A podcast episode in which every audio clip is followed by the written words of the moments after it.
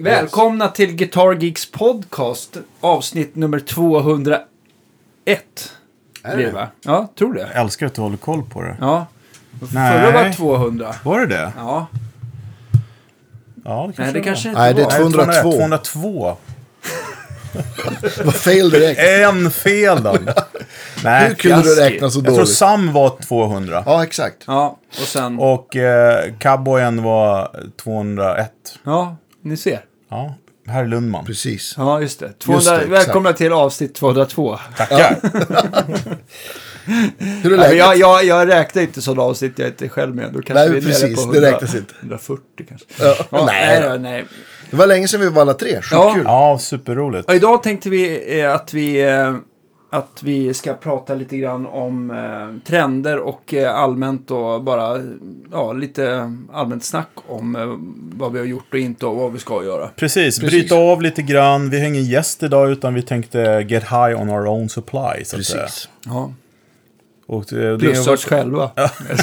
Nej men det har ju varit, eh, det har ju varit en speciell vår och sommar och sånt och det har funnits lite tid för reflektion skulle man kunna säga. Ja, men exakt. Och det ska bli spännande att bara snacka lite grann. För som sagt vi har gått lite grann om lott eh, i, i sommar här.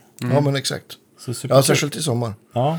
Men nu vankas det ju höst här snart, så att ja, får, vi, får vi se vad som händer. precis. Och nya regler kommer ju på hur man får gigga och sånt. Ja, men exakt. Från första oktober tror jag att det är, va? Ja. Det var något sånt. Mm. Så får man se vad som händer. Det, Och då var det sittande publik, eller? Ja, men precis. Och så sen folkmängd, Och så måste det se ut som ett boende på- flygplan. Ja, exakt. Ja, de ställer upp Nej, men utifrån lokalens storlek tror jag. Okej. Om jag har förstått det rätt. okej. Ja men det låter ju vettigt. Eh, och sådär. Ja, verkligen. Eh, Men sen så är det ju några ställen som eh, kör med restriktioner också. Bland annat eh, Stampen. Ja, Spelar vi imorgon. Ja. Som det här sänds på en torsdag. jajamän. 28 eh, augusti spelar vi där med vårt band. White Canaries. Får ni komma och kolla, de som vill. Mm. Och ni kör mycket Black Rose. Och Ja, det är ett Black Crowes tributeband Ja. ska man kunna säga. mycket, mycket bra. Ja. Och, och som jag skrev på Facebook att det ryktas om en eh, gästartist som har mustasch och spelar knägitarr. Mm. Får se vem det kan vara. Det, Det vet man det aldrig. vet man aldrig. Nej. Men superkul. Men det har också hänt något trist. Ja, men precis. Ja, Arne Arvidsson är inte kvar. Nej, precis. Denna legend. Sådär. Ja, verkligen. Nu, nu eh, hade jag väldigt lite personligen med Arne att göra. Jag ska inte säga att jag kände honom eller så. Men man såg ju upp till honom väldigt mycket. Han, man, verkligen. han var väl ändå den som satte, satte ribban för, för gitarrmeckandet här i Stockholmsområdet i alla fall. Ja. Han var den första gitarrmek som jag tror att jag någonsin var i kontakt med. Då jag flyttade hit ung. Så Johan Norberg sa, ja men åk till Arne. Och då var han ute där på, eh, vad, vad heter det? där? Kvarnholmen. Kvarnholmen, tack. Just precis. Eh, Men jag tror också för, för oss som är stockholmare, om man- eftersom du sa flytta hit. Ja. Så var nog Arvidsson också den första man hörde om. Ja, just det. när det kom till att man skulle fixa någonting. Ja. Som, eh, som, som det inte var Halkan som slängde ihop bara i, i affären. Eh, men vi har ju sagt att vi ska göra någon form av avsnitt om det här. Ja, lite tribute. Ja, Som- men precis. Som också som vi vill tajma in lite grann av familjeskäl och respekt och sådana här saker. Så att vi återkommer med det helt Ja, enkelt. precis. Men vi tänkte försöka göra en liten annorlunda och kanske flera gäster som vi kan eh, ta lite små Ja, anekdoter förhoppningsvis. ifrån. För det finns ju mycket härliga berättelser. Det, så Ja, det, precis. Han var en karaktär får Ja. man säga. Ja. Och, Absolut. Eh, det finns...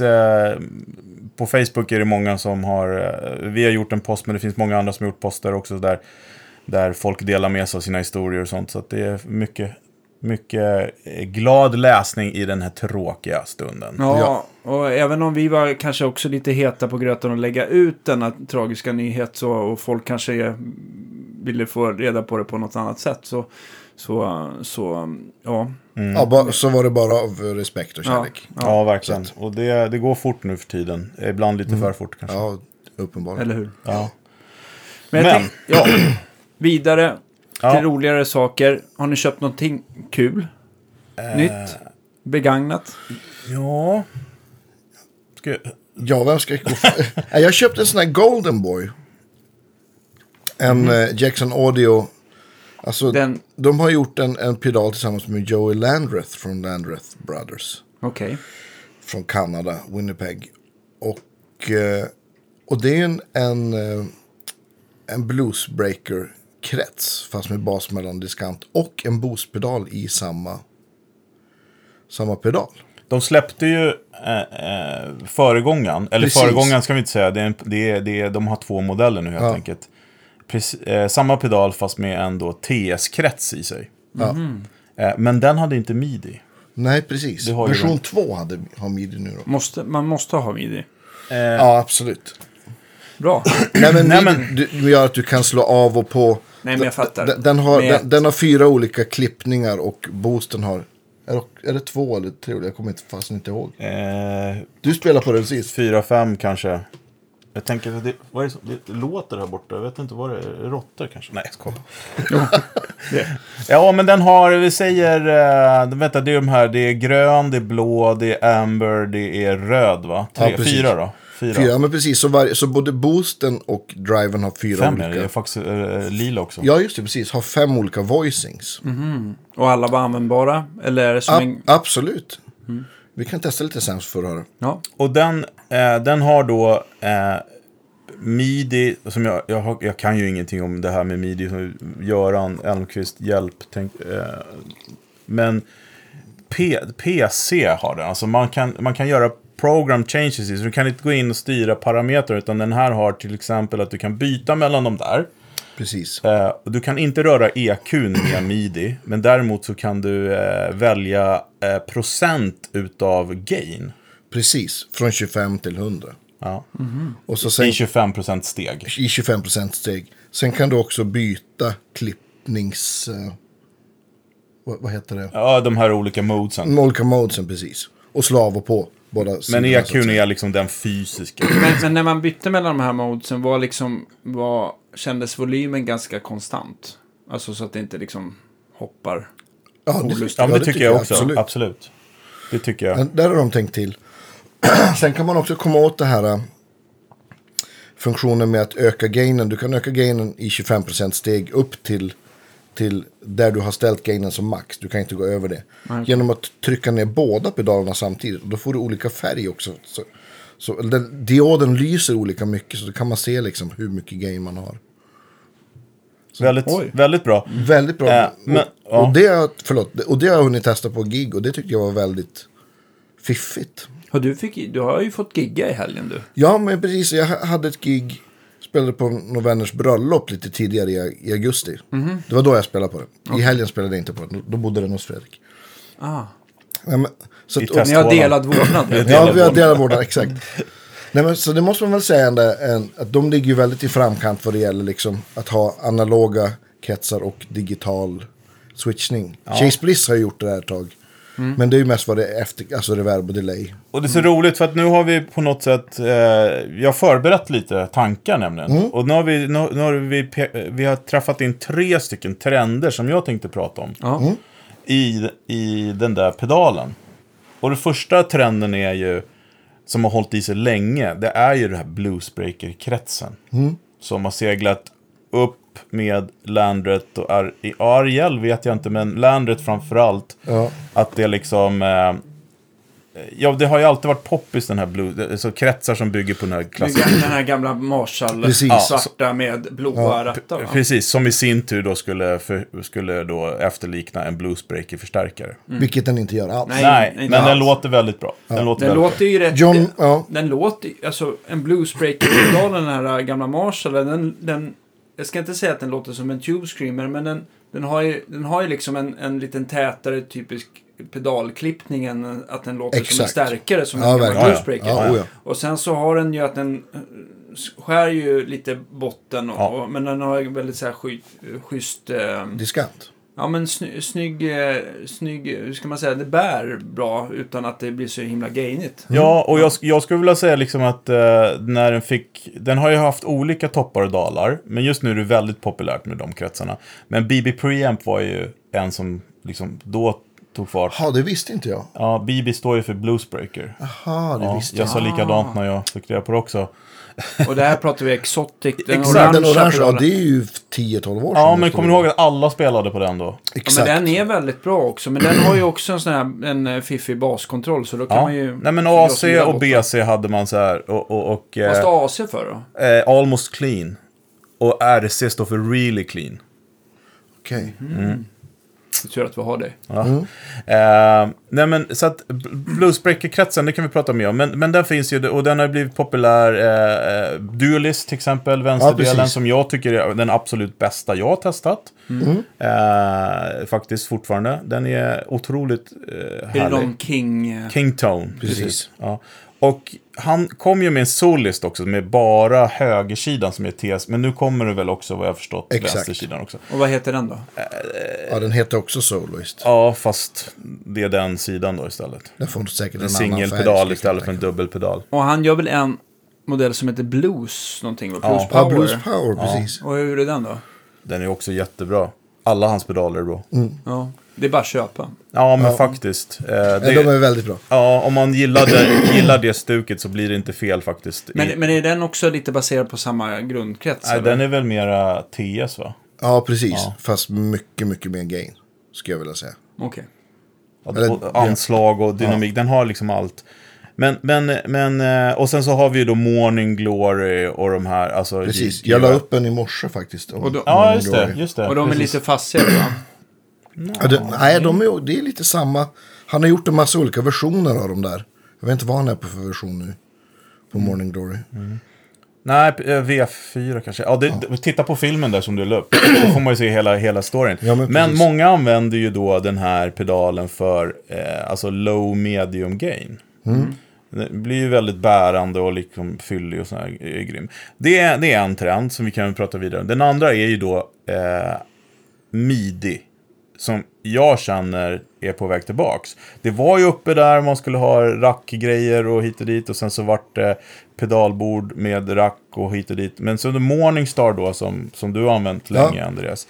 Har på något sätt eh, och Gigrig, den här G2 och sånt. Precis. Eh, som i och för sig inte är känd för sin midi. Jag tar tillbaks där. Men Morningstar i alla fall. Eh, har ju på något sätt gjort att midi kommer tillbaks lite grann. Och det som det har medfört då är att det kommer analoga pedaler som kan styras med midi. Och då börjar det bli intressant. Precis, för ljudet är analogt. Ja. Men styrningen är midi. Exakt. Men, men kan, Typ man, då den här Golden Boy. kan man säga att man liksom har fått ner kylskåpet på golvet? Absolut. Jo, men det, det kom ju ner där för eh, fyra, fem år kan man väl säga. Den här trenden med pedalbord. Så har varit pedalborden mindre och mindre och mindre. Ja, men ju, ju, men ju, precis. Men jag, alltså, jag tänker också så här... Funktionsmässigt. Ja, funktionsmässigt att man bara trycker på en knapp och sen så liksom får man ett helt annat sound. Alltså, Ja, men precis. cleant med chorus. till- Jo, absolut. Och det är ju... och delay. Det är väl Exakt. liksom Chase, Bliss och de här som har banat väg för det där med sina pedaler som har otroligt mycket funktioner i sig. Mm. Ehm, jag lyssnade på den här, vad heter den? Fretboard Journal. Just det. Podden. Där, där är han med, Chase Bliss. Ah, otroligt intressant att lyssna på. Ehm, och de har ju också kommit nu med den så här ultimata overdrive, den här automaton. Ja, just Just det. det. Och det är den med sådana skjutregler, va? Precis. Med precis, motorreglar. Eh, men det, det, och den låter fantastisk, jag har testat den. Men. Nej, men det finns egentligen inga men, men... Jo, det gör det. Jag sa men. jo, men för mig som under 30 år har jagat de här extra 2 procenten. Så har jag kommit fram till att det jag har nu på mitt bord vill jag liksom inte kompromissa bort. Men skulle jag börja från början så skulle jag lätt köpa en sån. 100 procent. Den är svinbra. Framförallt med typ en Morningstar. För det är den då, till skillnad då, vad ska vi prata om det här med midi-typer. Att eh, Golden Boy har ju då PC, Program change. precis.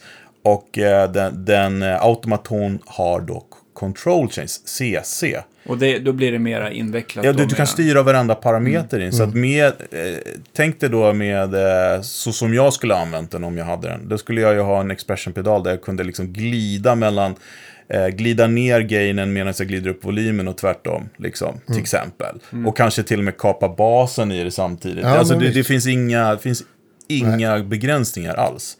Och det är ju jävligt coolt. Eh, men också inte så mycket för mig för att jag fattar inte sånt där. Eh, det blir för mycket att hålla på Backen med. blir för brant. Ja, men, men Du nu... ser toppen, men, Men om man tittar på trenderna där ute så ska man ju ha en sån här, eh, vad heter de här eh, små borden som Josh Smith har, vad heter de? Smith Array. Smith Array, ja precis. Ett sånt bord, så litet som möjligt, med en Morningstar MC6 Ja, eller MC8. Och så ska du ha lite pedaler då som, som, som är analoga, men du kan styra med midi. Då har du ju en grym rigg alltså. Ja, visst. Men de är dyra de här grejerna, det, det är väl det som De är är, lite. Smith, Smith Array-borden tycker jag, de är skitfina, men de är väldigt tunga. Mm. Och de är inte, inte, de kan lätt gå sönder faktiskt. Det är lite för mycket möbel. Men, Ja. men ni som eh, har varit med från början tänkte jag säga, inte riktigt. Men, men har ni haft liksom styra, stora kylskåp? Och liksom baxat omkring med? Ja, Jag, jag hade ju, inte ett stort, men jag hade ju, jag köpte, fick ju eh, möjlighet att köpa Scott Hendersons gamla skåp.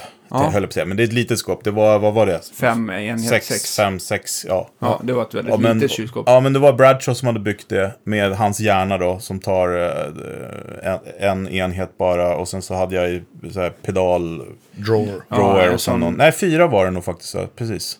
Och Okej. sen så hade jag ju då hans eh, stora eh, switcher, Switcher. och volympedaler och, Mhm. och sådana här mixerknappar och grejer. Okej, men det var ju liksom inga rack-effekter? Du hade bara en Eh, jag låg- hade ett rack-delay. Typ ett korg. Ja, men det 2000. var ju likadant där. Jag började ju tänka att jag skulle ha en, en Eventide Ellipse då, som klarar av allt. Ja. Men jag klarar inte av det. Så att det vart ett, ett, eh, tube, ett Tube Echo av Chandler. Mm. Med modulation på. Fantastiskt analogt. Låter jättebra. Eller det är digitalt i och för sig, men, men old school. Mm. Eh, men, eh, nej, men min goda vapendragare Ulf Edelund byggde ju sin drömrygg liksom. Göran hjälpte honom att bygga, det var, var väl en, eh, Tio enheter. ja minst, eh, fullsmackat och hit och dit. Och det var ju ascoolt, men eh, när det var klart så blev det ett pedalbord istället. Men är det så att när man... Alltså det är väl inga som bygger riktigt så om man inte har folk som bär? Tänker jag. Nej. Eller, men är, jag, jag, vad jag vill komma till, är det så att liksom de här äh, fina gamla rackeffekterna, att pedalerna har blivit så bra och starkare och kan mycket, mycket mer så att det finns ingen anledning att köpa, alltså, Nej men absolut, så är det ju. ja. Alltså ett, en, en timeline är ju, eller vilken Eventide-pedal som helst. H9 liksom. Men precis hon igen. Alltså, Fiskar det där till skum liksom. Ja men absolut och det är väldigt mycket tystare och, och framförallt så har det ju gjort mycket av de här gamla, att de var tvungna att göra sådana här komplicerade lösningar. Det var ju för att på 80-talet så var ju allt sånt här, det var ju linjenivå på alla sådana här rackeffekter. Eller inte alla, men, de, men, men många. De var ju byggda för studio de eller live. för out, ja, precis. studio så det liksom. var, Sen, sen så som allt annat så är det så här att eh, man har ju ganska, i alla fall eh, min generation eller vår generation, man har ju ganska snävt så här, eh, ja men det, det ska låta Fender eller Vox eller Marshall, förstår du? Referenserna är ju så här, så att när man liksom hör en PC M81 så är det så här, där satt den. ja men visst. För att ljud man har minns. hört den så mycket. Eller Korg 3000 liksom som The Edge, spelar på. Det, det är, man, man är så matad med det. Så man, Det kan vara det, men det behöver inte, prestandamässigt så kan det ju vara sämre. Men det, det är det som är så härligt nu att det finns så jäkla bra grejer. Så oavsett vad, om man har en Electro Harmonix för liksom 800 spänn eller en automaton då som kostar 10 000 nästan. Så är det den så är här, så låter den bra så låter den bra. Och det, är- det är superhärligt. Men jag ser en tydlig trend i alla fall, det här analoga, midi-styrda, flexibla, eh, visst. ganska litet då, då ska det väl vara också. Och det är ju coolt för en arbetande gitarrist. Jag menar, som, som du, du ska Ja. sätta ihop en sån rigg Ja nu. men exakt. Så det blir spännande att följa den och Ja. se, Det är, ju- se om, om du behöver kompromissa eller ja men inte. precis. Ja men Det är det bara blir... smsa låna ifall du hinder. Precis. Ja, men vi, det, vi återkommer till mitt nya bord där. Det, det kan nog bli ett, ett avsnitt. Ja. Och eh, Chase Bliss, eh, den här automaton är ju då ett samarbete mellan dem och Benson. Just det, men bygger- de gör ju bra pedaler också. Ja, och fantastiska förstärkare framför allt. Sen har de en pedal, de har en pedal bara. Ja, just det, för det är den som heter Preamp. Benson Preamp, precis. Ja, och det är, den det, som, exakt. det är den som sitter i den här då. Mm. Plus en fuss då. Ehm, så att, eh, nej men den finns på 11. Gå dit och testa den, den är fantastisk. Och är den värd så mycket pengar? Vad kostar den? Jag tror att den kostar 9000. 8-9 tusen någonstans. Eh, jag skulle nog vilja säga att den är det. För att eh, har du en liksom helt okej förstärkare. Då har den liksom inga begränsningar den där pedalen. Coolt. Ja. Ja, då är det ju billigt. Ja. För den Men det är har... ganska mycket för en pedal. Ja. Ja. Jo, Men om man tänker att de lite byter så- ut tre ska- pedaler exakt. Det här är faktiskt, det här är faktiskt eh, en ganska vanlig, eh, eh, vanligt förekommande scenario hos mig. När det kommer till till exempel ombandningar. Att folk frågar så här, ja men eh, jag har en gammal eh, typ Japanstrata. Som jag har haft jättelänge och banden Ja. är slut. Jag vill banda om den, vad kostar det? Ja, det kostar si och så mycket. Jaha, ja, ja, men, men det är, alltså, jag köpte den för 3000 spänn. Ska man lägga ut eh, typ lika mycket till bara för att få den spelbar? Alltså det tar emot för folk. Ja. liksom. Ja, visst.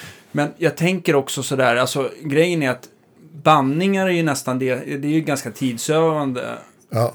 Ödande, det är, det är inte så hög timpenning på det jämfört med om man gör allround service och sånt där. Visst. Men, men, eh, så det är svårt att vara, göra det billigare. Eh, men, men det är verkligen så man, man resonerar, att, att liksom man, man tittar så himla mycket på vad liksom grejerna, vad man har köpt det för och liksom... Men är inte eh, det... li- Jag, jag, jag håller med dig och jag har Ja. själv eh, gjort de där valen Ja. ibland. Men eh, det, jag tror att det också är så här instrument som man tradar med lite grann. För om jag, om jag har en gitarr som är värd 4 000 kronor. Mm. Eh, om jag bandar om den så blir den tyvärr inte värd Sju. 7. Nej. utan Nej. den är fortfarande Exakt. värd 4 000 men den är spelbar. Ja, precis. Så att jag tänker så här, musiker som har sitt instrument, Ja, de, men de är skulle- väl villiga att gå, gå över ån för allt Ja, för att precis. få Ja, den men att vill, funka. vill man, Ja. för det blir ju ett, alla gitarrerna får ju ett lyft liksom om Jo, banden är trötta. absolut. att ja, men det är Ja, väl herregud. till och med bara jag lägga pengar på en setup kan ju folk rugga Visst. tillbaka på då kanske. Men Ja. det blir ju som, blir som ett nytt instrument nästan.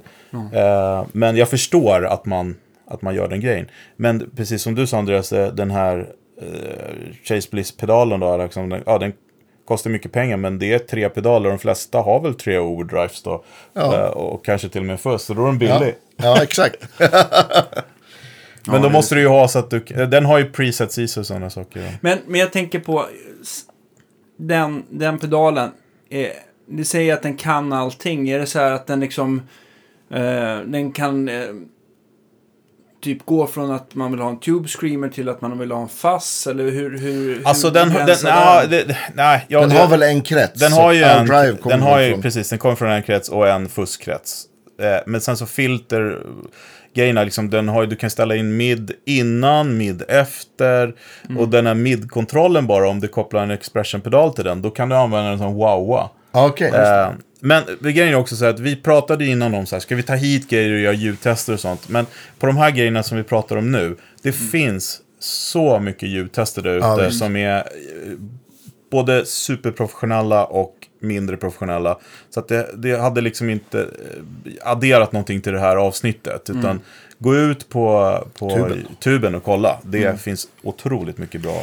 Vi kan mata ut lite länkar efter Ja, då det det kan vi. kommit. Jag tror till och med vi har skickat ut Ja, det har de här nog. grejerna. Ja, det är sant. En, en annan eh, så här, vanligt förekommande problem som man får det är just folk som spelar på olika typer av ställen. Alltså Ja. man spelar på, nere i källaren på Santa Clara i Gamla stan som är typ, eh, ja det är ett litet valv liksom. Ja. Det, det går in 30 pers. Eller om man står på, eh, till exempel ni ska spela Stampen, Ja. då är det ett helt annat sound. Ja, ja. Och, eller om man spelar utomhus. Ja, som Eh, jag gjorde i helgen. Ja, precis. Nej, men vad jag menar är, jag tycker folk, man ser nästan det här att folk är, har skitsvårt att hitta en stärkare som funkar i alla sammanhang. Oh, ja.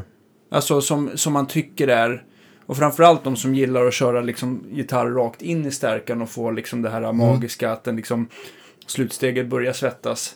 Men, men det blir för, blir för starkt ibland och ibland Ja. räcker det inte till. Man måste nästan ha flera förstärkare. Eller, eller för att jag tänker att det är Om nästan... man vill spela det är- så skulle jag nog vilja säga det. Ja, för att det är nästan mer att man liksom behöver flera olika förstärkare i sin arsenal. Ja. än, att, än att man behöver eh, ha flera gitarrer för att kunna göra jobbet. A- liksom. absolut, jag tror det. Men då, om man nu ska, eftersom vi skulle prata lite trender, så är Mm. väl det också en ihållande trend är att man, att man utgår från pedaler mer Mm. nu än starkare. Absolut. Och då kommer man ju runt det där lite grann. Man, man kanske har en EQ, eller man, eh, som jag har, jag kör med Olssons The Spell till exempel. Man kan liksom, Ja, det är en boostpedal, men den funkar alldeles utmärkt för att tweaka till en starkare man har.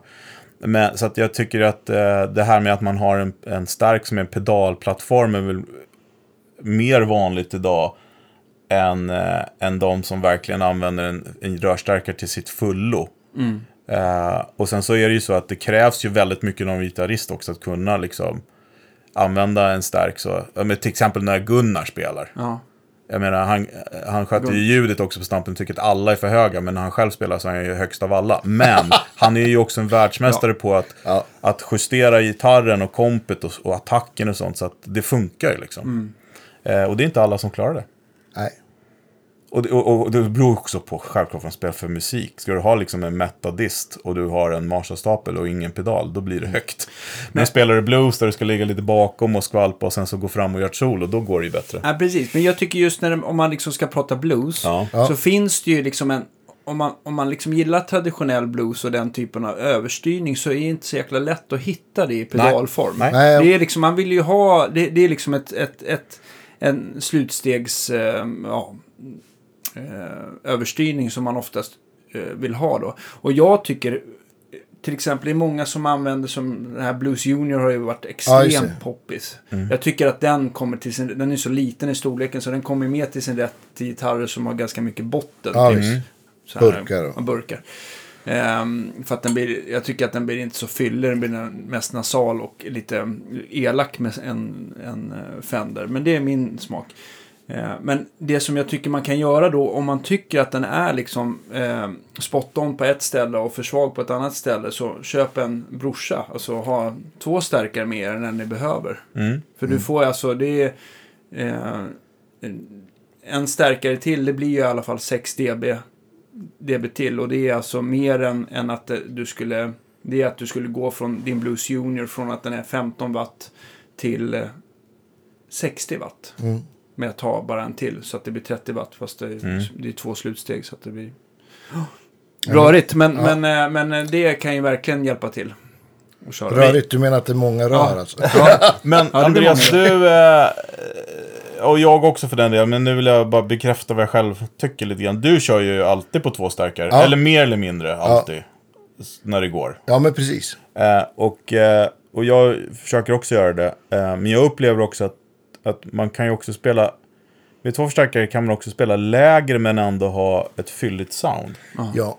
Mer än en. Om man, har man till exempel två entolver så har man ju helt plötsligt dubbelt så mycket högtalare. Och har man två olika högförstärkare så fyller de också i lite grann för varandra. Ja, men jag, jag, Jo, jag tänker, jo. men även om man inte, har- för att som du säger att det blir också mer dB, fast det behöver inte bli, man kan, man, med två starkare Ja. kan du också få, Men, men alltså med två högtalare till samma förstärkare så blir det ju, då, då sprider du ut effekten på de två. Ja, precis. Nej, Men, det var har, inte- du, men har du ja. två slutsteg så blir det ju inte så. Då blir Nej, det nej, liksom precis. dubbla va? Ja, men Ja. exakt. Men jag upplever ändå, precis som du säger, det blir ju dubbla, men jag upplever ändå att man kan styra det bättre med två förstärkare. Så, Ja. att, så att den här, den, för att en, en, en entolvskombo, det här är i alla fall min, min upplevelse, när man då behöver sänka den sådär så att man nästan känner att det finns ingenting att luta sig mot nu.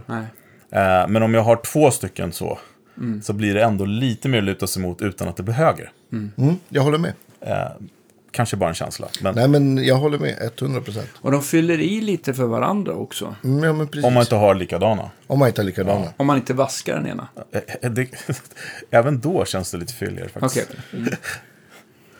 Ja. Ja. Vad har vi mer för härliga trender?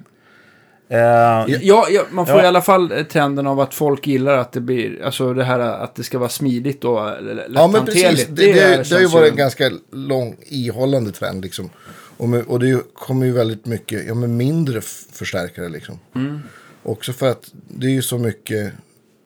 Och även om man spelar, liksom, om man är ett stort rock eller metalband så är, liksom, är det ju ganska ofta så att det är tysta scener. Liksom. Metallica har ju kört Fractal i, liksom, jag vet inte, ganska många år nu till exempel. Liksom. Men så att det är, ju, det är ju sällan det behövs stora förstärkare för att höra sig själv. Liksom. Men jag kan tänka mig att de också kör fractal av den, alltså användarvänligheten. Att det inte är så mycket kabeldragningar och det är inte så mycket där det kan gå fel. Nej men det tror jag också. De har bara, de har bara några backup-varianter ifall Exakt. en går sönder. Liksom. Men, men skulle vi inte kunna säga att en trend är att det är okej att köra så? Ja, Men- absolut. Jag menar att för några år sedan så var det ju ganska, då tyckte man det var jävligt töntigt. ja men precis. Komma med sin camper eller, Mm. Eller ax. Men det har ju verkligen ändrats nu. Och det är det än en gång tillbaka till det att så länge du får det ljud du vill ha så skitsamma du får det. det och det är superhärligt tycker jag. Men, Mm. men jag tänker också, det, kom, det börjar ju också, det har ju funnits ganska länge, men jag tänker på sådana här äh, lätta förstärkare som Milkman och de här som Mm. Ja, kör just klass. Ja. D-slutsteg. Mm. Jag vet att Olsson har hållit på och utvecklat, vi får se Ja. hur det går med den, men den, men att, att, Björn har gjort Ja. One Control två stycken varav en är släppt. En är släppt, det kommer ju en till nu som Ja, jag, precis. jag nästan gillar ännu mer. Ja, jag med. Den är Ja, fucking jag, jag ser fantastisk. fram emot att testa den. Jag, jag bara hörde när ni var där och någon ljudklipp sådär. Ja. Det där uh, delayet eller ekot Ja. eller vad man ska kalla det lät ju helt fantastiskt. Jag tror att det ekot kommer som löspedal också. Men ja. jag undrar lite grann målgruppen för de där grejerna. För att jag tycker ändå inte att man ser det jättemycket. Men jag har förstått att det säljer väldigt bra. Ja. Men eh, jag har inte sett det live till exempel någonstans än. Nej, I i år har det ju varit svårt överhuvudtaget. Va? Jo, men, men det har ju funnits ett tag. Det, jag menar, Vi- Så Victor... Magnus Josefsson spelade på en sån eh, S66. Ja, Ja, det- Bj- Björns, den här One Ja. Control Tompe. Ja, alltså, den, den har jag sett. fantastiskt. Men till exempel the, eh, Victory har ju eh, också och Milkman eh, har ju såklart.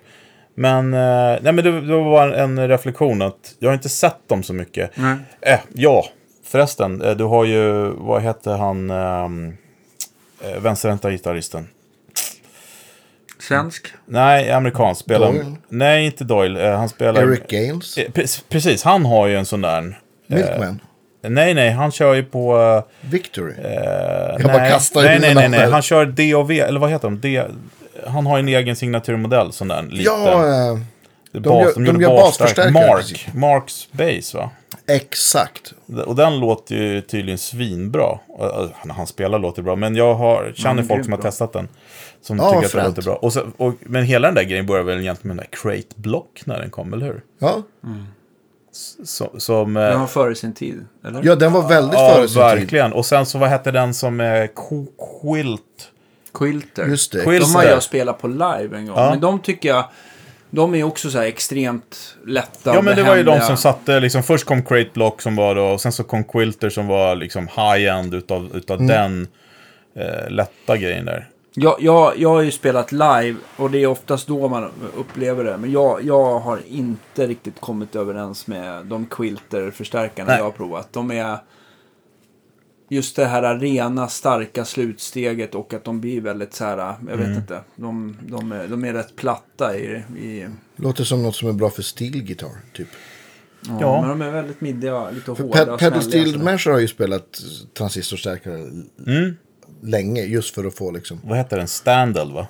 Ja, men Det är precis. väl den Ja. klassikern. Och Peavy har också en med en 115 Ja, just det. en stand, standard tror jag, 50 det är, väl en, det är väl en gammal klassiskt rörförstärkarmärke. Som Ja. De gör kanske i mindre skala nu också, men det var ju ganska vanligt förr. Ja, Just fast de, mest kända är väl Transistor, tror jag.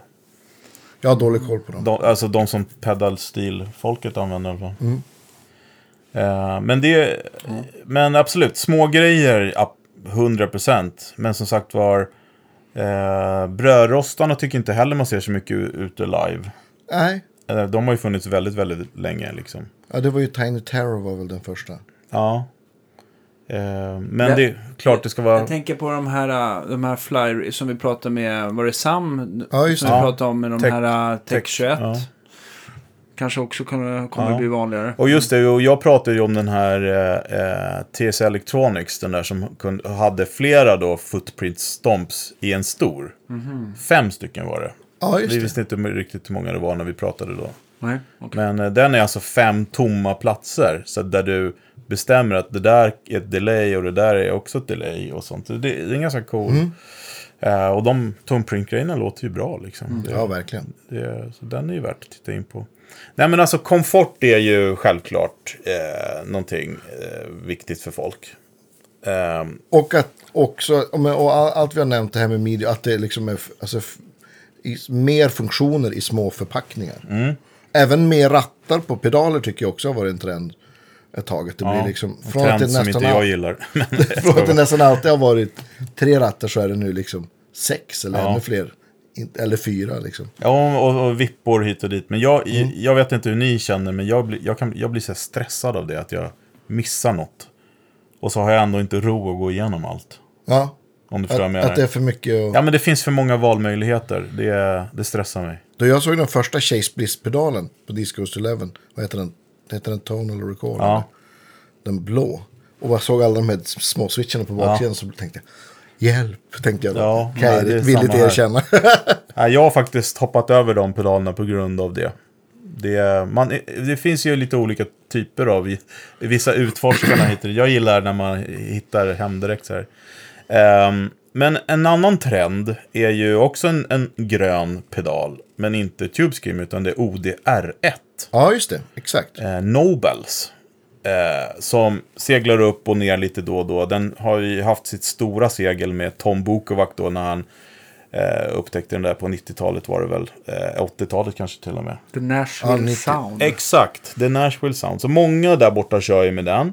Eh, Så har det varit, ja men precis i 20 år där. Ja, exakt. Men sen har den ju seglat upp lite grann igen då, då eh, måste jag säga. Eh, framförallt att han som designade ODR-1, eh, vars namn jag inte kommer ihåg, han är tysk men har ett japanskt namn tror jag. Jaha, okej. Eh, men han har ju släppt en egen variant då, som heter Nordland.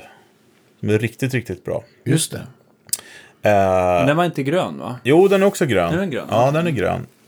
Grön och skön. Eh, men, och så har ju också då Vemram släppt en som heter ODS1 med Shanks, John Shanks. Superproducenten. Eh, Gitarrist med Bon Jovi Ja. numera också. precis. Han är... Och vi har nog postat lite grann om man fått varit hemma och titta på hans grejer. Ja, ja, visst. Och, otroligt bra sound. Eh, jag kör på en sån Vemram-pedal och eh, ja, det är ju favoriten just nu. Hur använder du den då? Jag använder ju den... Eh, men jag har ju alltid kört Chula då. Det gör, ja, den, den, den är lite rispigare. Eller raspigare, om man säger. Lite grovkornigare än den andra. Nej, men jag har den eh, medium... Är den grovkornigare än Chulan? Nej, Chulan är grov, Ja, jag tänkte det. grovkornig. Den, den här är... Jag har den... Eh, ja, typ allt rakt upp på den. Ja, och sen så kör jag på gitarren. Det som, Har du den alltid på då? Ja. Ja. Det som man gillar med Chulan, det är ju Love Pedal som, som det är väl baserat Ja. på Kott. Eller Kott Church of Tone. Ja. Kott 50. Ja, och eh, den är ju ganska, den beter sig lite som till exempel som Speaker Cranker och de där, att den är, de är ganska stärkarlika. Verkligen. Ja. Lite grövre textur sådär. Ja. Och högljudd. Eh, Den vill, den vill ha lite volym. Ja. Eh, Något annat som jag märker här i alla fall, eh, att folk börjar bli ganska mycket mera öppna för att det inte bara behöver vara standard 010 och 011 och 09, utan det har ju kommit både från Diadario och Örnebål ganska mycket så här in between sätt Ja, just det. Ja, som det är, är väldigt kul. kul. Och kompenserade sätt va? Eller Ja, String precis. Joy till exempel. Ja. Ja, Så att ehm, jag tycker många personligen har de här kompenserade sätten för att det ska vara samma tension och sånt där. Att då brukar det oftast bli att G-strängen och D-strängen dr- driftar isär soundmässigt ännu mer. Så att jag vet inte om jag riktigt gillar det, men, men ehm, Mm. ja.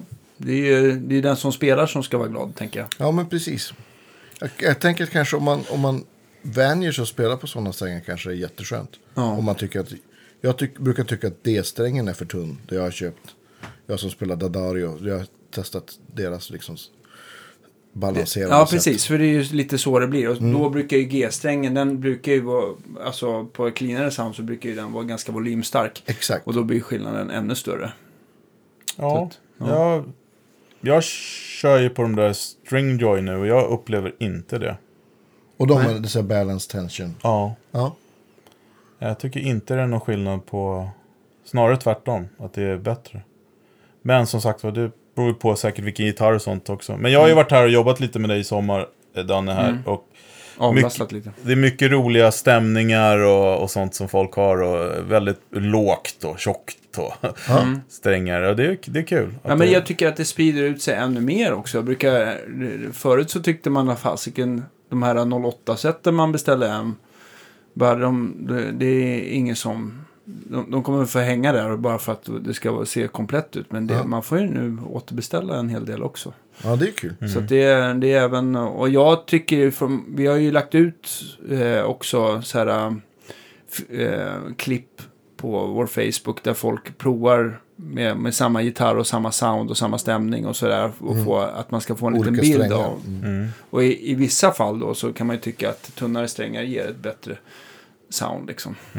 Mm. På alla fall på gain. Och jag tycker det där mellan Ja. git- gitarrer. Jag har haft gitarrer som eh, eh, låter helt stendött med elver på. Och sätter man på tior så bara kommer de till liv. Det är ett väldigt lustigt fenomen. Men det har väl med, Ja. med någonting och svängningar att göra. Helt enkelt. Ja, men exakt. Ja, men så tycker jag till exempel min SG. Den låter inte alls bra med elver. Den, den tycker jag, då blir liksom G-strängen blir lite så här oig och, och, bara- och det s- blir ännu svårare att stämma. Men 10, då låter den som bäst. 10,5 funkar också. Men vad säger du Danne? Vad är det liksom? Ja, men jag tycker det. Alltså, det blir ju oigare, alltså mer grundton, färre övertoner med tjockare strängar. Ja. Så, Och jag tycker att den här, förut så kändes det lite så här macho att man skulle ha just tjocka strängar. Ja, lite det här precis. Stevie Ray Vaughan. Exakt. Men ehm, folk är inte beredda att ta så mycket näsgodis för att orka med det va? Nej, men precis. En annan grej också som hänger ihop med det där väldigt mycket. Jag såg eh, eh, Rat Chull heter han ju. Som Ja, har en fantastisk YouTube-kanal. Ehm, han hade ju pratat med, med Tim Pierce. Det blir mycket name-dropping här nu. Mm. Eh, som också har en fantastisk YouTube-kanal. Vi har ju delat några gånger. Eh, det, det finns ju otömligt där. Eh, men de pratar ju liksom så här, tricket att få en stor fet ton eh, är ju att ha väldigt högt på förstärkaren men att spela väldigt löst. Eh, för att då det inte ska bli för högt. Men alltså att det är då man får mera övertoner och hit och dit. Man får mer dynamik. Ja, och då kan ju också då tunnare strängar hjälpa till att inte spela för hårt. Eh, Billy Gibbons till exempel har ju ett ganska massivt ljud han spelar ju på supertunna Ja, strängar. men 07 va? Ja, men där är det nog full patte på det mesta. Eh, Ja, det är ju väldigt sällan folk ber har- han att sänka i alla fall va? det, det tror jag inte. eh, men med tanke på de här Magnatone, om man, ja, jag vet inte om ni har testat någon sån någon gång. Jo, Jo, alltså... De är men- otroligt högljudda. Ja, nej, men jag, jag vill minnas också, nu vet inte jag, nu tror jag att Magnaton också har kommit med ganska många modeller efter det. Eh, Men det, min, mitt intryck av den första så här, eh, stärkarna, att de har lite den här, den här, de är ganska så här amerikanska i soundet, att de är ganska brighta och liksom Mm, just den att de går åt vass. Ja. Mm. Eller? Eh, Säkert. Ja, men Eh, som Supros eh, nu Ja. och sen så även eh, Dr. Z och... Jag testade ja, du tänker Ja. så. Ja, just det. Jag testade en Magneton, ja men det är väl typ ett år sedan, i september i, i Memphis faktiskt. Mm. Så testade jag en sån i stereo. Och det var ju, den ville jag ju ta med hem, men det var ju, var ju, dyrt. Ja, de är jävligt dyra. Ja, men den tyckte jag lät ganska varmt faktiskt. Okej. Jag kommer ju absolut inte ihåg vad det var för modell. Men Var det med dubbel, dubbla tremolo, stereotremolo? exakt, Ja. deras liksom, ja vibrato är det väl till och med. ja, just det. Ja, det blir väl det när det är stereo. Ja, det, Ja, är det var, det, Nej, men jag, jag tror att deras vibrat... Jag vet inte om de just kör vibrato, för vibrato är ju pitch-effekt. Ja, men precis. har de inte... ja, det, det är Jag undrar om inte... Jo, men det är ett vibrato om det ska vara magnaton, va? För det är inte det här som, som är på de här gamla Fender Brownface, att det är... Alltså, Harmonic. Harmonic. Nej, jag tror Men jag tror, att- tror att det, De har någon egen lösning på det jag tror att det faktiskt är ett vibrato, att det är pitchen som åker, inte... Ja, jag tror det. Ja. För vi, den här, den tycker jag är väl bäst i test av vibratopedalen, den här Surfy Industries, den orangea där. Den, Precis. den har ett väldigt fint vibrato. Och den jämförde vi med originalet och det var ju, ja, men det var knappt en procent i skillnad och det var så lite så att det liksom... Ja, det är ju häftigt alltså. Så bra på dem bredvid varandra. En annan grej som jag har tänkt på att du skulle prata också, som Mm. i alla fall, och ibland så vet man ju inte om det, om det är en trend eller om det är att man själv är så jävla inne i det, det här law of attraction som ni känner till att Ja, visst. när man, ser, när man köpte på nya skor så ser man de skorna över, överallt. Men Mm. det är ju fussar. Mhm. Eh, jag tycker att det är, ja, men det är mycket snack om fuss. Det finns otroligt mycket coola fussar där ute nu.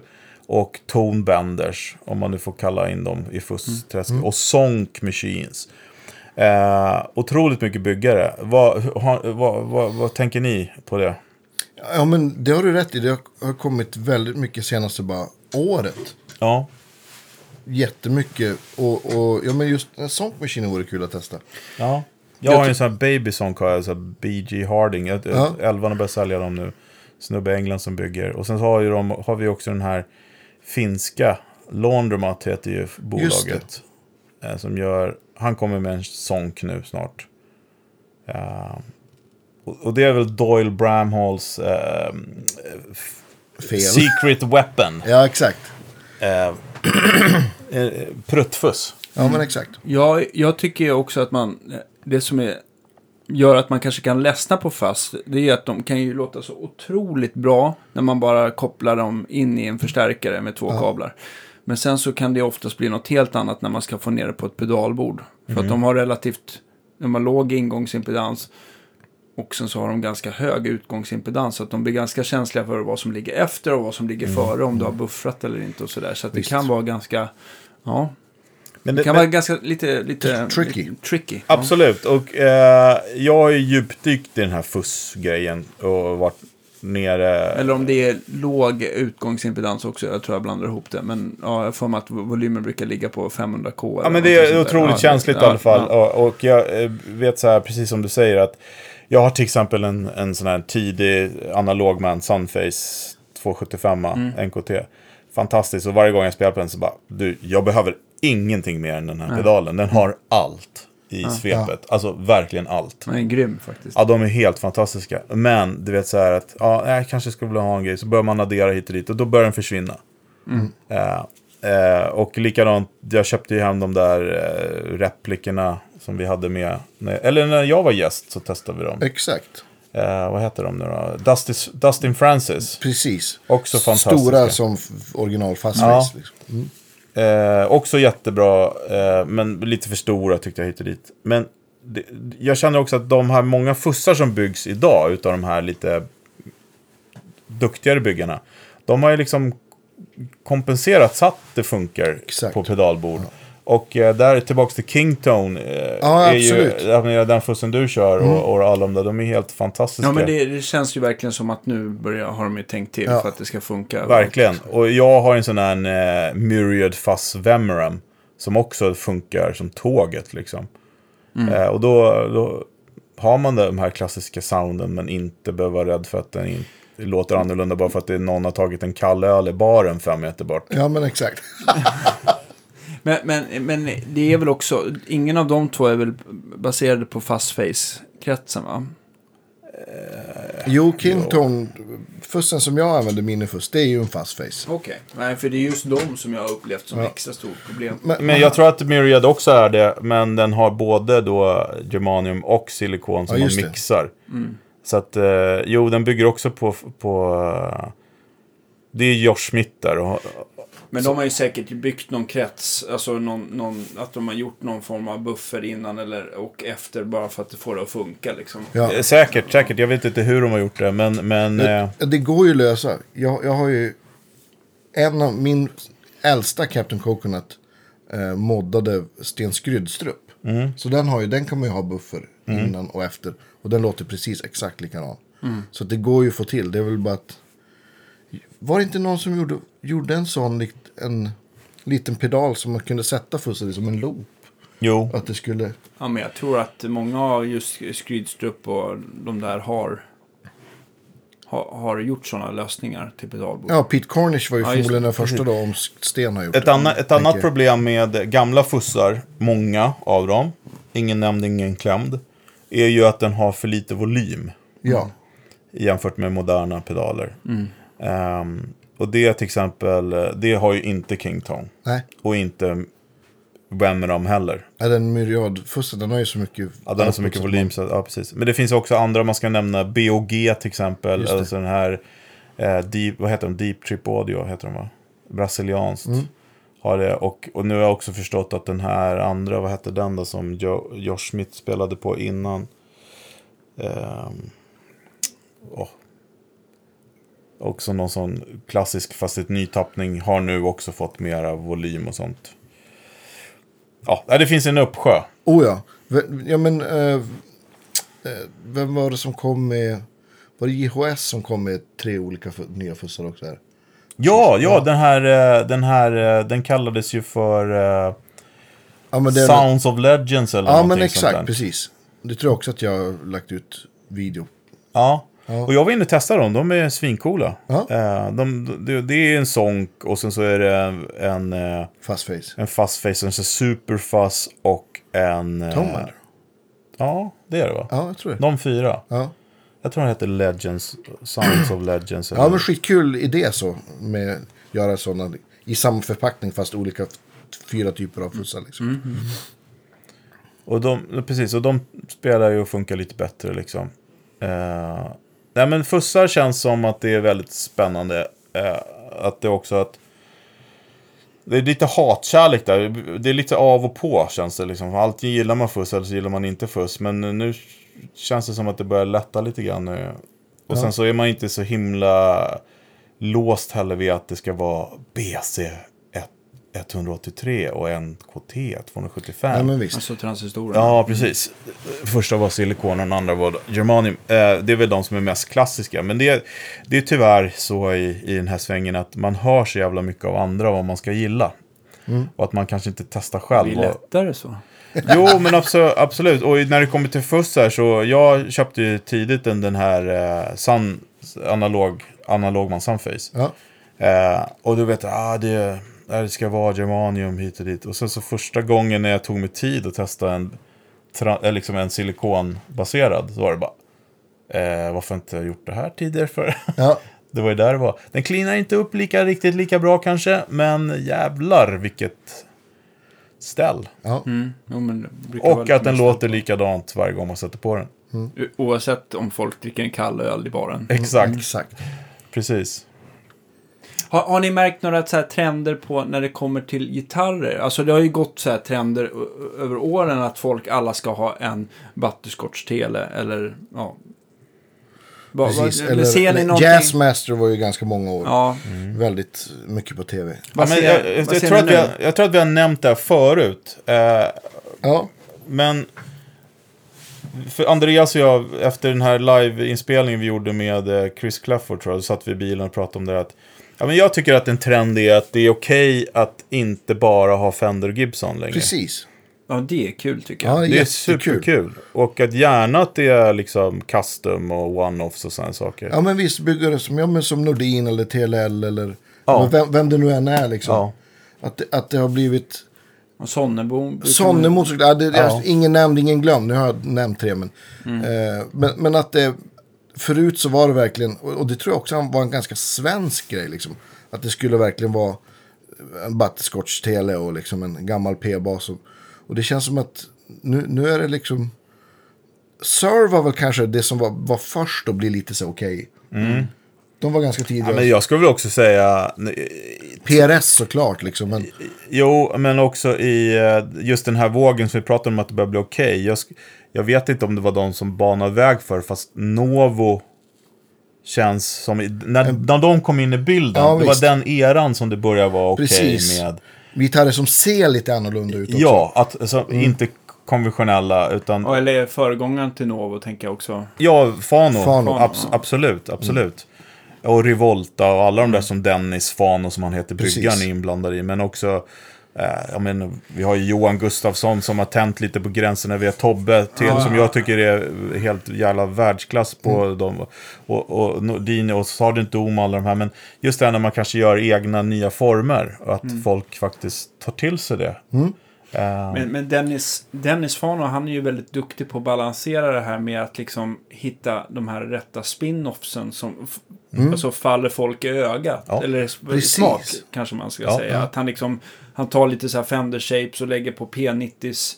Mm. Och något jazzmasterstall. Och alltså han får liksom en, en kul twist på dem. Och det är det där Exakt. som är så... Det där... Just att man ska hitta någonting, att man känner att ja men det där är en, det där är en Fano-gitarr. Mm. Fast, fast den är liksom tillräckligt traditionell ändå. Ja. Det är så jävla... Ja, men det, det som är coolt Ja. faktiskt med Novo, det, och, eh, måste jag säga, för jag har spelat fler Novo än vad jag har spelat Fano. Mm. Eh, det är ju att man, när man spelar den så man, är, man känner sig hemma direkt. Ja. Och då, det blir lite konflikt också. Jag som är traditionalist, när det kommer till gitarrer så bara, Ja. shit, jag får liksom inte ens tycka om den här typ. Liksom, för att den ser annorlunda ut liksom. Men Mm. den, första gången jag testade den var, var att hälsa på San Vilo i Kitaru, eller vad det heter, Just affären där i Helsinki. Eller i Helsingfors, ja, Helsinki. Ja. Eh, och jag bara, shit vad är det här liksom? Fan vad cool. Och den var så jävla nice, den här gitarren. Och de håller ju väldigt hög kvalitet också och ser bra ut. Och min huvudgitarr till exempel är en Asher som är den där Electrosonic. Den är Mm. också lite speciell. Eh, man kan tycka är skitful eller, eller fin. Men ja, det, det tycker jag är kul. Jag hade, hade en privatelev tidigare här. Det måste, måste vara kanske slutet på juni. Eh, i, I studion. Och han, han är arkitekt. Han, han spelade på Jazzmaster. Och han förklarade liksom varför. Hur utifrån ett, liksom, en arkitekts ögon varför han gillade Fender-gitarrer. För han tyckte att de, hade liksom, de var väldigt avvägda och balanserade i utseendet. Och så började vi prata om precis exakt just det här. Och, då, och det var så roligt för då tog han Tobbe som exempel. Och han sa, ja men jag såg att du har ju både en lapsteel och, och en, en, eh, en TLL-gitarr. Och så, så sa ja men Tobbe har liksom lyckats med det här. Att, som fan också och många andra har gjort. Men få till någonting som är formmässigt behagligt att titta på. Eller att det, liksom, att det sitter ihop utseendemässigt också. Ja, ja absolut. Balansen och... Att, det, precis, att det finns en balans och att det ser liksom klassiskt och bra ut. Det ser inte sökt ut liksom. Han, han nämnde en massa andra gitarrer som han tyckte, så, här, ja men inte nya gitarrer utan även gamla. Så, ja, men, som han, han inte tyckte var liksom så här, designmässigt så var de, ja men det var mer hittepå bara. Han, han gillar ju liksom så här klassiska och han, han började nämna så här grekiska kolonner och ja men ni vet. Jo, nej, men alltså, så här, ja, alltså det, väldigt intressant. Man, kan ju, man ser ju ganska lätt på när någon som skapar saker och ting har kunskap. Mm. Eh, med liksom gyllene snittet och all, alltså det, finns, det är ju en kunskap. Ja men visst. Kolla till exempel, det är en klassiker om man googlar Apple-loggan och ser hur den är uppbyggd. Den är ju uppbyggd kring cirklar. Liksom, Allting är i cirklar. Mm. Ja, det finns visst. inte en del i den som inte är en cirkel. precis. eh, och eh, gitarrer och sånt också. Det är inte bara, det är, det är, ju- det är någon som kan som har designat. Det är inte bara så här, ah vad kul, vi gör så Nej. här. Vi, vi dritar, drar bort lite här. Och de gitarrerna tycker jag som är så, de håller ju inte i längden heller. Nej. Eh, faktiskt. Jag tänker på Nysses kukgitarr till exempel. Jag tänkte, ja. Jag håller nämligen på och läser Jerker Antonios bok. okej. Ah, vad kul. Ah, är den är den läsvärd? Eh, jo, men det är anekdoter Ja. från en, eh, Från en en man svunnen som har varit, varit med från en, precis, från en svunnen tid. Eh, Det hade ju inte blivit något tv-program av det om man säger så. Det är lite för mycket metoo i den. Ja. Ja. Mycket, mycket, Men det var en, annan, det var, precis, men det var, det var en annorlunda tid då som... Ja. ja. Nej men den är... Jerker är en kul kille. Ja, absolut. Oh ja. absolut. Nej, men det är kul att läsa för att man har ju liksom varit eh, ett, parallell, i ett parallelluniversum till det där. Man har varit med om det från ett annat håll. Det är kul att höra han berätta om det. Eh, men eh, just nyss den där gitarren var några sidor sen här. Jag ligger Okej. mitt i någonstans. Okej, okej. Ja, får låna den sen. Ja, Men, men sen så även eh, om man tittar på eh, hårdrockarna också så, så känns det ju som att ehm, jag, jag, såg någon post nu om eh, Lundgren som eh, inte bara skickar ehm, sina mickar till Ibanez utan har även fått någon Schecter att göra någon ny line i Ja, alla vad kul. fall. Eh, de påminner lite grann, de går lite i den här samma ehm, samma håll som, som jag tycker du ska inte dra för stora paralleller, men Ibanez och Solar gör lite grann så just här det. mattlackade gitarrer och genomgående hals och... Ja. och ehm, Varför tänker jag på Ibanez då? För nu kommer Magnus slå mig. Men jag tycker ändå att den, de, de får... Du tänker nog Ja, kroppsformsmässigt precis. kanske mer. Alltså, det är lite, grann- jag tänker på AZ-modellerna, att de kör lite så här stealth-lacker, alltså Mm. matta lacker och sånt där. Så, ja, Det är svincoolt. Nej men och, och liksom i, om man tänker liksom, om man drar det mer åt liksom metal och mer extrem metal. Där har ju gitarren utvecklats, det är väl där gitarren har utvecklats mest. Både designmässigt och liksom sättet man spelar gitarr. Jag, jag ser ju det som ett helt annat instrument. ja. Kommer du vi testade, eh, ja men vi hade någon, vi hade en stra, åttasträngad Strandberg här. ja just Det det. var ju sjukt, sjukt coolt, men det, det är så långt ifrån det sättet jag spelar gitarr så att jag tycker att det är ett annat instrument. Ändå har du liksom. köpt den. Vad sa du? Ändå har du köpt den. Ja, det- det är den enda jag har. Travel light. ja, inte? exakt. Vad Eller Hasse hur var Karlsson det? hade med sig den. Så var det, Mm. just det. Ja.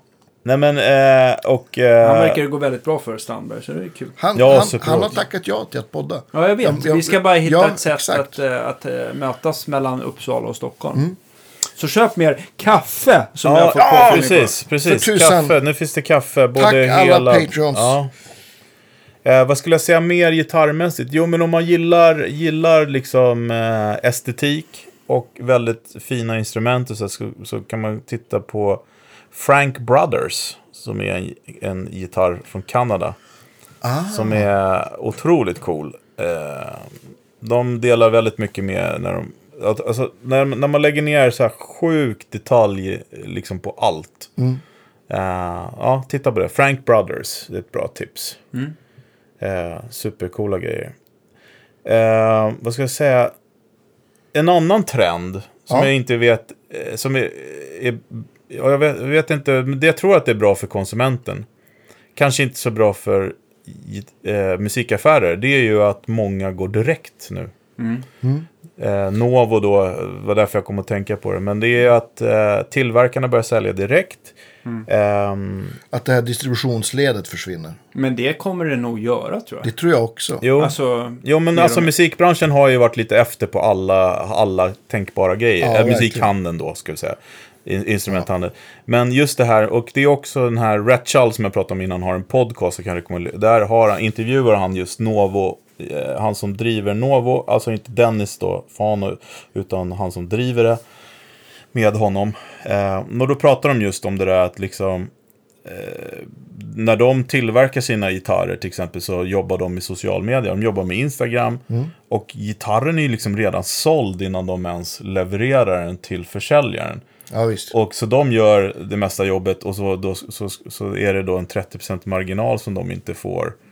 Eh, så då valde de så här, nej men vi, vi vill expandera, vi vill göra, eller nej, de vill inte expandera, de vill ha kvar den storleken de har och ha kvar kvaliteten de har. Eh, och enda sättet att liksom kunna utveckla sig var ju att göra mer gitarrer, det vill de inte göra. Nej. Så därför säljer de direkt istället så att de kan få en större, de de får ju 30% större cut, mer. ja. Ja, Ja, precis. visst. Och det tycker jag man ser mera och med tanke på då eh, internet och, och allting sånt så ja men jag kan förstå det liksom. Nej, men som jag har dragit åt eh, helt andra hållet. Jag hade ju någon dröm och jag ska inte säga att det är skrivet i sten. Men just nu så har det funkat väldigt bra att sälja eh, gitarrer begagnat på uppdrag åt andra. För det är en helt annan Mm. Ja, bransch. Liksom. Men just att sälja nytt sådär så att jag, ja.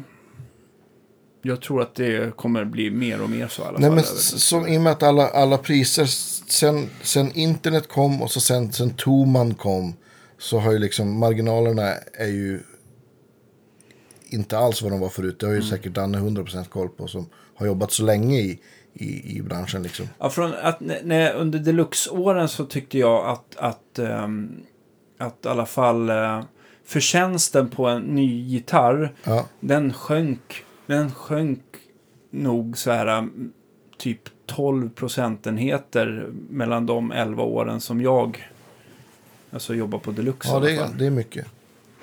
Ja. Men det är, det, alltså, och nu får ni tänka på att, att alltså en två, alltså att man har i omsättning, om man, jag vet inte, om man ökar 2 eller, eller egentligen bara TB, alltså eh, i marginal på ett år. Alltså det är enorma summor på en butik som omsätter så mycket. Ja, Absolut. visst. Men man ska säga också, eh, det är lite nytt det här nu. Och man får se vad det leder till. För att i värsta fall så jobbar man på som vanligt. Men, men att man har direktförsäljning. Och då kommer man drunkna som tillverkare tror jag. För det är bara att titta på så här eh, musikbranschen. Alla bara, ah, de här jävla skivbolagen tar så mycket pengar hit och dit. Och, nej, jag gör det själv istället. Bara, ja, det är, de gör ju en hel del. Ja, Alltså då- det är marknadsföring, det är liksom sådana saker, det är och liksom ha... Så man ska, man ska inte bara ta så här, "Ah, nu börjar jag sälja direkt, utan det, du måste ju ha någon som sköter social media åt dig. precis. Du måste ha någon som packar och ser till Man kan ju att... förstå det som vissa som har redan starka varumärken. att exakt. det kanske funkar. Ja, men- Jo, men du måste anställa nytt folk, för att det är den, eh, eh, liksom, den som tillverkar är inte den som ska sköta de grejerna. Nej, precis. För, för det, har ju, det har ju den aldrig gjort innan, den har ju Nej. sålt till, till andra. men, och och, och det, här, det här tror jag nog går, kanske går hem i andra branscher också. Att det, Ja. att det är mer så. Nej men det är, så så man får väl se om det dyker upp andra tjänster där ute som virtuella musikaffärer som inte sitter och tjänar pengar på, på marginaler utan på något annat. Ja, just det. Eh, Så det är spännande på så Ja, sätt. Ja, vi får se hur det urartar. Ja, men man får, eh, tycker ändå en, att man ska, en uppmaning att supporta sin lokala musikaffär. Absolut, verkligen. Eh, De behövs också. Nej, men mm, det är, ju, det är ju kul att titta och klämma och känna. Det går, liksom, jag kommer ju alltid tycka det. Ja. Kanske för att jag är van Det är mysigt. det en, en, en musikaffär som man trivs i att komma till. Det är lite så här så att tiden står stilla för en stund. Va? Ja. Men, men, men det Paus. finns också Bara nya sätt att göra det på. Man, ska, man, man får inte vara så insnöad på formatet heller, och det är det man är. Eh, men till exempel, bara... ehm, Audi till exempel eh, gjorde en jävligt smart grej för några år sedan. Nu är det så etablerat varumärke ändå. Men de gjorde så här. Eh, om man kör upp i Norrland, där det är mycket snö. Om man körde i dike så kunde man liksom ha, ja, anmäla sig med sin fyrhjulsdrivna Audi att hjälpa till att dra upp bilar. Och liksom... eh, Ja, vad så att- smart. Ja, men precis. Så de, man fick se dem i action hit och dit. Och det var många som gjorde det. Eh, hit. Så tänk dig själv om man skulle säga, ja men alla som har en Novo då hjälper varandra att, ja men om du vill testa så kan du komma till mig och testa. Ja. Alltså, det, det går att göra på andra sätt. Mm. Intressant. man, man behöver inte, man, man är så in, inrutad i att tänka format som existerar. Mm. Men det kan jag tänka mig att många tillverkare som även vill sälja direkt att, att man kanske inte har, man kanske har tillverkningen eh, någonstans där det inte är så lätt att ta sig till eller folk kan komma Ja, förbi. visst. Det, det är just att få folk att prova sina, Mm. det man gör liksom. Ja, precis. Så showroom kommer vi nog få se. Det tror jag absolut. Men om man tänker på det här med, vi pratade om med, med, liksom, med, med nya gitarrer och nya designer. Det tror jag också att Instagram har varit en stor hjälp. För, för i alla fall så har jag surfat timtal på nya liksom, butik, handbyggda git- exklusiva gitarrer. Så, och det finns ju mer än någonsin och fruktansvärt mycket snygga. Det, man kan inte testa alla såklart. Liksom, men, men, men i alla fall för min del så har jag upptäckt mycket byggare som jag aldrig skulle ha hört talas om om det inte hade varit för Instagram. Nej, precis. Och så tycker jag det här formatet som eh, Nikolaj på Vintage and Rare, som är en sån köp och sälj, Ja, eh, sälj framförallt, eh, sajt, eh, dansk. Och Nikolaj, fantastisk kille, och riktig eldsjäl. Eh, han, det är väl inte han som har kommit på konceptet, men han som har tagit det liksom till våra breddgrader lite grann. Det här med att låta de här speciella byggarna, åker han runt och har utställningar på, på, i samarbete med musikaffärer. Så att då har liksom den här roadshowen varit, varit när han var i Stockholm var han på Jam till exempel. Eh, och det tycker jag är skithäftigt. Och då går de här olika tillverkarna ihop då och betalar honom en sudd för att göra det här. Och då åker han, jag tror han hade 12 stopp någonting på Ja, det där. Och, det, och det, är, det, det är mycket Instagram-gitarrer ja visst. som han hade med sig då som folk kunde testa. Ja, Och det, det jag tycker jag också är ett jävligt bra koncept. mm, verkligen. Ehm, det är lite den här gamla klädsäljarna förr i tiden de åkte runt. Mm. Ja, men precis. Ställde sig i bygdegården och öppnade bakluckan. Ja, men precis. Ja. Exakt. Ja. Så det är lite häftigt. All, allt går i cykler. Så. Det kanske är det det kommer bli, dammsugarförsäljning. Att man går och knackar dörr Knackar med dörr. sin Fano va? Ja, ab- absolut. Ja. Kan du spela? Ja. Köpa ett eh, månadsabonnemang på Fussar här kanske. Ja, ja. Ja, Där nej, har men- vi något. Ja, absolut. Mm. Pedalabonnemang. Mm. Varför inte? Ja, det finns en affärsplan på det här. Ja. ja. Ja, nej, nej men det, det, alla sådana här grejer är så jävla roligt att sitta och pilla på sånt också. Men sen så glömmer man bort att Sverige är så himla litet land. Jo, exakt. Så att eh, vill man äta något annat än filmjölk så, så kan man titta på andra saker. Ja, men Japp. eh, vad heter det? Eh, det var lite trender och sånt. Ja, visst. Eh, det finns ju massa, massa att prata om. Men vad, vad, vad är du, eh, om vi går varv runt, om jag börjar med dig Danne. Vad är du mest, eh, vad ser du fram emot mest? Liksom pryl eller gitarrmässigt sådär? Alltså som eh, kommer eller? Ja, precis. Eller är det något Eller du som du har spanat efter? på. Ja. Eh, nej, alltså jag känner så här eh, med just nu när man liksom är lite separerad och sådär. Att man liksom har stängt av lite grann. Mm. Att man, man, är inte så, man är inte så himla... Man tittar inte på prylar just nu för att det finns ingen, ingen, ingen, inget utrymme för det. Nej. Men, eh, men det är väldigt kul tycker jag. Att, eh, men just nu så tycker jag att det är väldigt roligt att bara hjälpa folk att få ordning på sina grejer. Eh, Men, eh, men om det är något nytt sådär. Jag är väldigt glad att jag moddat till en, en gammal Boss Blues Driver precis som jag ville ha den. Ja. Det är en, det är en ganska bra pedal i, bu- i grund men den har sina brister. Och det går att få den mycket. Och visst har vi pratat om det där på någon annan episod, men Blues Driver, är inte det Bluesbreaker krets också? Det är inte det? Nej, det tror jag inte. Nej, för den precis. låter inte så. Vi, kom inte, vi hann inte kolla upp, vi har inte kollat den upp låter det. mycket bättre. Ja, vad härligt.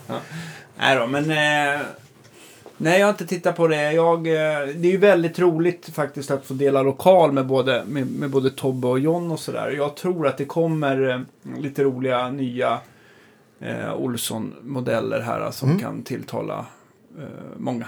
Mm. Mm. Spännande. Ja, Andreas då? Eh...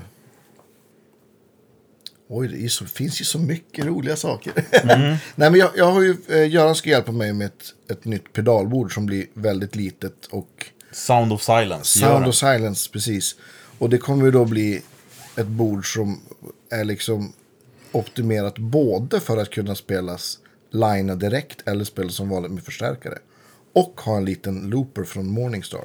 Så det blir liksom ett hybridbord med, med vanliga drive-pedaler och så sen en HX-stomp för att kunna köra line och så sen en, en H9 för att kunna ha fler effekter och för att jag gillar H9 väldigt mycket. Så det blir, tanken är att man ska kunna, man får liksom ett litet bord fast man har en, en loop switcher som man kan liksom med en knapp trycka liksom.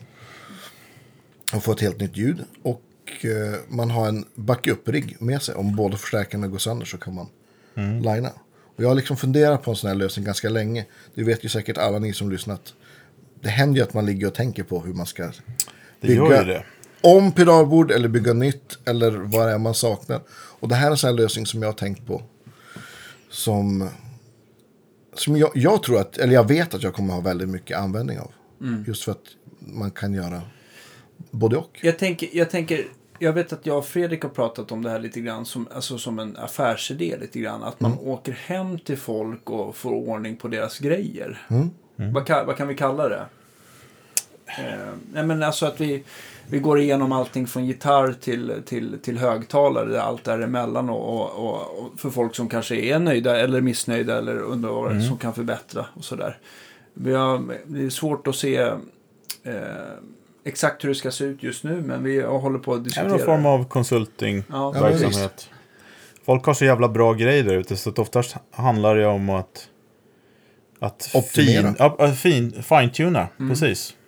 Ändra lite ordning, byta lite kablar kanske, Mm. sänka höja gitarrmickarna, det som byta jag, högtalare. Ja, Det exakt. som, alltså, jag tänker så här, jag har personligen svårt att liksom ta betalt om man liksom inte känner att man får någonting uträttat. Förstår du vad jag menar? För ibland så kanske man hamnar i en situation där man liksom, ja men ja, det, det är så här bra det blir liksom. Och så har man ändå slagit, alltså man har ändå spenderat Exxon eh, en viss tid.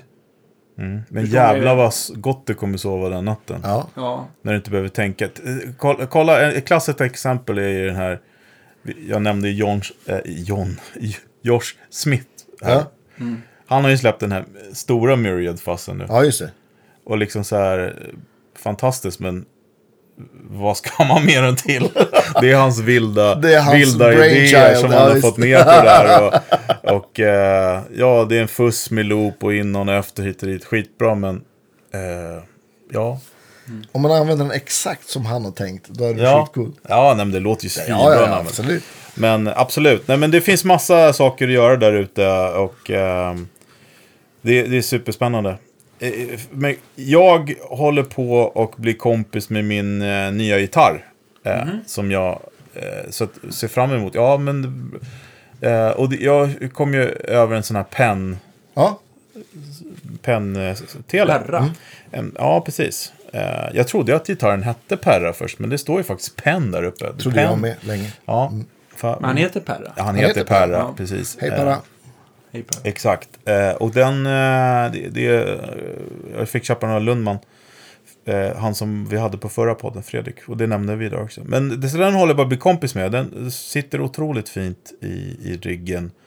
Eh, så att egentligen det jag ser fram emot mest, det är ju att spela så mycket som möjligt. Men jag håller också på att sätta ihop ett sånt här wet-bord. Och det har jag väl nämnt någon gång tidigare här. Alltså ett, ett bord som jag kan ha hemma för att leka med, helt enkelt. Göra loopar och stora sounds. Ja, Våta och då... drömmar. Våta drömmar, exakt. Våta drömmar, precis. Och då började jag ju med H9. Ja, Och började, och så, så bara, ja men jag behöver det, och så behöver jag det, jag behöver det. Men då hade jag en sån där lång natt som vi just pratade om, när Ja. man ligger och tänker. Så att nu är det borta, så nu är det en HX-stomp istället. En MC6 och en Expression-pedal. ja, det kommer man inte sjukt långt på. Ja, det är mer än vad jag någonsin kommer behöva. Loopen i, i Hawkstompen är ju jättebra. Ja. Har du fått igång det med... med... Ja, jag, faktiskt. Jag- Tack YouTube. Ja.